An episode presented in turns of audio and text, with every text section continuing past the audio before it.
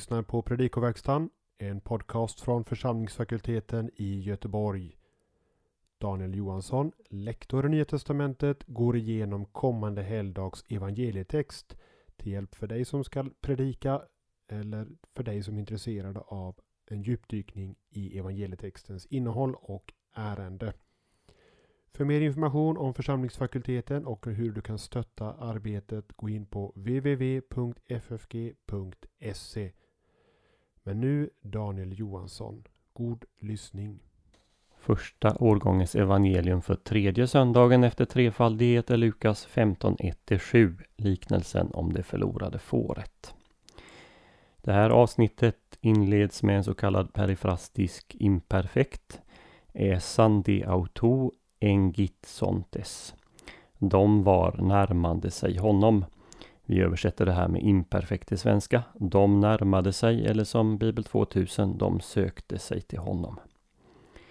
Infinitiven akoein uttrycker syfte för att höra. Och objektet till akoen står i genitiv auto. Verbet diogongytson i vers 2 betyder mumla högt, knorra, klaga. Det här verbet används ofta i Septuaginta om Israels klagomål mot sina ledare. Så till exempel i Andra Mosebok 15.24, Femte Mosebok 1.27, Josua 9.18 med flera. I vers 3 lägger vi märke till att parabolä, liknelse, står i singularis. Det är sannolikt en indikation på att det som följer är en enda lång liknelse som består av tre berättelser, inte tre olika liknelser om det förlorade. Allt syftar ju fram till det klimax som nås när fadern bjuder in den äldre sonen, som representerar Jesu motståndare, att delta i festligheterna.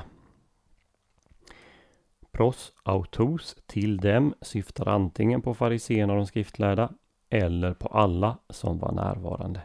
Troligen det senare, för här finns ord både för Jesu motståndare och de som sluter sig till Jesus. Vers 4 Tis antropos ex hymon betyder ordagrant vilken människa bland er, alltså vem av er? Frågan formuleras lite annorlunda i de svenska översättningarna. Här tar man participen echon och apolessas som konditionalparticip, particip som uttrycker villkor och så börjar man frågan med en villkorsbisats. Om någon av er. Man kan även tänka sig att participen är attributiva. Vem av er som har hundra får och förlorar ett av dem? Ordföljden ex auton hen betonar att ett får tappats bort av dem. Vers 5 participet chairon i satsen hevron epitithesin epitos omos auto chairon understryker att herden lägger fåret på axlarna under det att han gläder sig och glad lägger han det på sina axlar. I slutet av vers 6 säger herden Hotti Hevron to probaton mo to apololos. Jag fann mitt får, det borttappade. Det finns en nyans här som så att säga tappats bort i Bibel 2000 och Folkbibeln 98 när man översätter Jag fann fåret som jag förlorat. För till skillnad från kvinnan i vers 9 medger inte herden inför sina vänner att han själv tappat bort fåret. Folkbibeln 2015 får fram denna nyans genom att översätta Jag fann mitt förlorade får. I vers 7 noterar vi först futurum av verbet vara, estai. Antingen avses den kommande eskatologiska glädjen, det kommer att bli glädje. Eller, och troligare, är det frågan om en gnomisk futurum, att den uttrycker något som alltid sker när en människa omvänder sig. Så tar de svenska översättningarna det.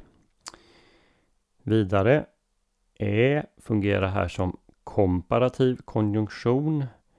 Även om vi saknar ett mer eller större i den första satsen så bör vi översätta som Bibel 2000 och Folkbibeln 2015 att det blir större glädje än och så vidare. till sist i slutet av vers 7 står metanoias i genitiv. Det man har behov av, shejan echosin, står i genitiv. Man kan här betrakta genitiven som objektiv, behovet av omvändelse, eller att shejan echo tar sitt objekt i genitiv. Lukas 15 betraktas allmänt som en höjdpunkt i hela Lukas evangeliet. Någon har beskrivit det som det tredje evangeliets hjärta. Liknelsen om det förlorade fåret inleder avsnittet med tre berättelser om något förlorat som blir återfunnet. Och det är berättelser i respons till klagomålet mot Jesus att han tar emot publikaner och syndare och äter med dem. De båda föregående kapitlen i Lukas 13 och 14 har tagit upp olika aspekter på bordsgemenskap. Så i till exempel föregående söndags liknelse från Lukas 14. Man kan också notera att Jesus inbjuder folk till att höra i sista versen i kapitel 14. Vilka är det som lyssnar? Vilka är det som kommer? Ja, inte de man förväntar utan det förlorade Israel. På samma sätt var det med responsen till Johannes döparen enligt Lukas 7, 29-30. Vad som här framställs i liknelsens form är Jesu uppdrag så som det är uttryckt i 5, 31 och 32. Och dessutom så föreligger det flera paralleller mellan liknelsen om fåret här och berättelsen om Sackeus i Lukas 19, 1-10. De här parallellerna eh, räknar jag upp i pdfen till den här podden på vår hemsida. Vår text har en inledning, vers 1-3. Det här är inledningen till hela kapitel 15. Bakgrunden till Jesu undervisning om det förlorade återfunna. Sedan följer själva liknelsen om fåret i vers 4-6 och dess tillämpning av Jesus i vers 7. Själva liknelsen om fåret har en kiastisk struktur. Den här har jag också beskrivit i pdfen. Det finns rikligt med paralleller i Gamla Testamentet i det här avsnittet. Till att börja med så påminner fariseernas och de skriftlärdas klagan, deras knorrande, om ökengenerationens knorrande mot Gud, Mose och Josua. Hesekiel 34 med dess beskrivning av eh, Israels dåliga herdar och Israels gode herde, nämligen Gud respektive David, utgör en direkt bakgrund till det som Jesus berättar. En bakgrund mot vilken man måste förstå den här liknelsen. Jesus anklagar indirekt motståndarna för att vara dåliga herdar. Vem av er, börjar ju Jesus, vem av er tappar bort ett får? Folkets ledare har tappat bort fåren. Jesus går för att söka upp dem. Även den kända herdesalmen, psalm 23, som helhet bör tas i beaktande. Eh, tyvärr syns det inte i de svenska översättningarna att herden omvänder fårets själ i Saltaren 23, vers 3. På hebreiska står här verbet shof, vända. Det kan mycket väl anspela på vissa fårarters totala oförmåga att resa sig om de hamnar på rygg. Ska de överleva så måste en herde vända om dem. Temat med dåliga herdar, förlorade får, goda herdar, omvändelse och återupprättande föreligger också i Jeremia 23, vers 1-8. Fariseerna ville inte ha någon gemenskap med dem som inte förmådde att uppfylla lagen, vilket kunde motiveras med Gamla Testamentets varning för gemenskap med gudlösa Vi kan tänka på till exempel femte Mosebok 21, 20-21 och Saltaren 1. Senare rabbinska uttalanden varnar för gemenskap med de outbildade i landet, alltså med Am Haaretz, eh, då man genom gemenskap med dem riskerade att bli oren. Och därför så hade man inte heller någon bordsgemenskap med dessa. Även om Jesus uppenbarligen hade mycket gemensamt med fariseerna så delade han inte den här ståndpunkten. Istället så sökte han upp dem. Han sökte gemenskap med dessa som var syndare och orena i den inliga förhoppningen om att dra dem till Gud. Vår liknelse tar upp flera viktiga teologiska teman och jag avslutar den här genomgången med att nämna några av dessa. Till att börja med begreppet synd. Mänskligheten framställs här som förlorad utan möjlighet att hitta hem igen. Vad händer med ett får som insett att det kommit bort? Jo, skräcken brukar sprida sig i djuret. Det sätter sig ner, vanligen på en skyddad plats, kanske bakom en sten och så börjar det skaka och flämta. När det till slut blir funnet, om inte vargen hunnit före, är det ett sådant tillstånd av nervös kollaps att det varken kan stå eller förmås att stå. Det kan varken gå eller ledas hem, det måste bäras. Vi kan tänka på Jesaja 53.6 som bakgrund här. Vi gick alla vilse som får. Försoningen Herden måste betala ett pris för att föra fåret tillbaka till follan. Gör han inte det kommer det att dö. I en eländig terräng bland snår och tisslar måste han söka efter fåret och han måste bära det tillbaka.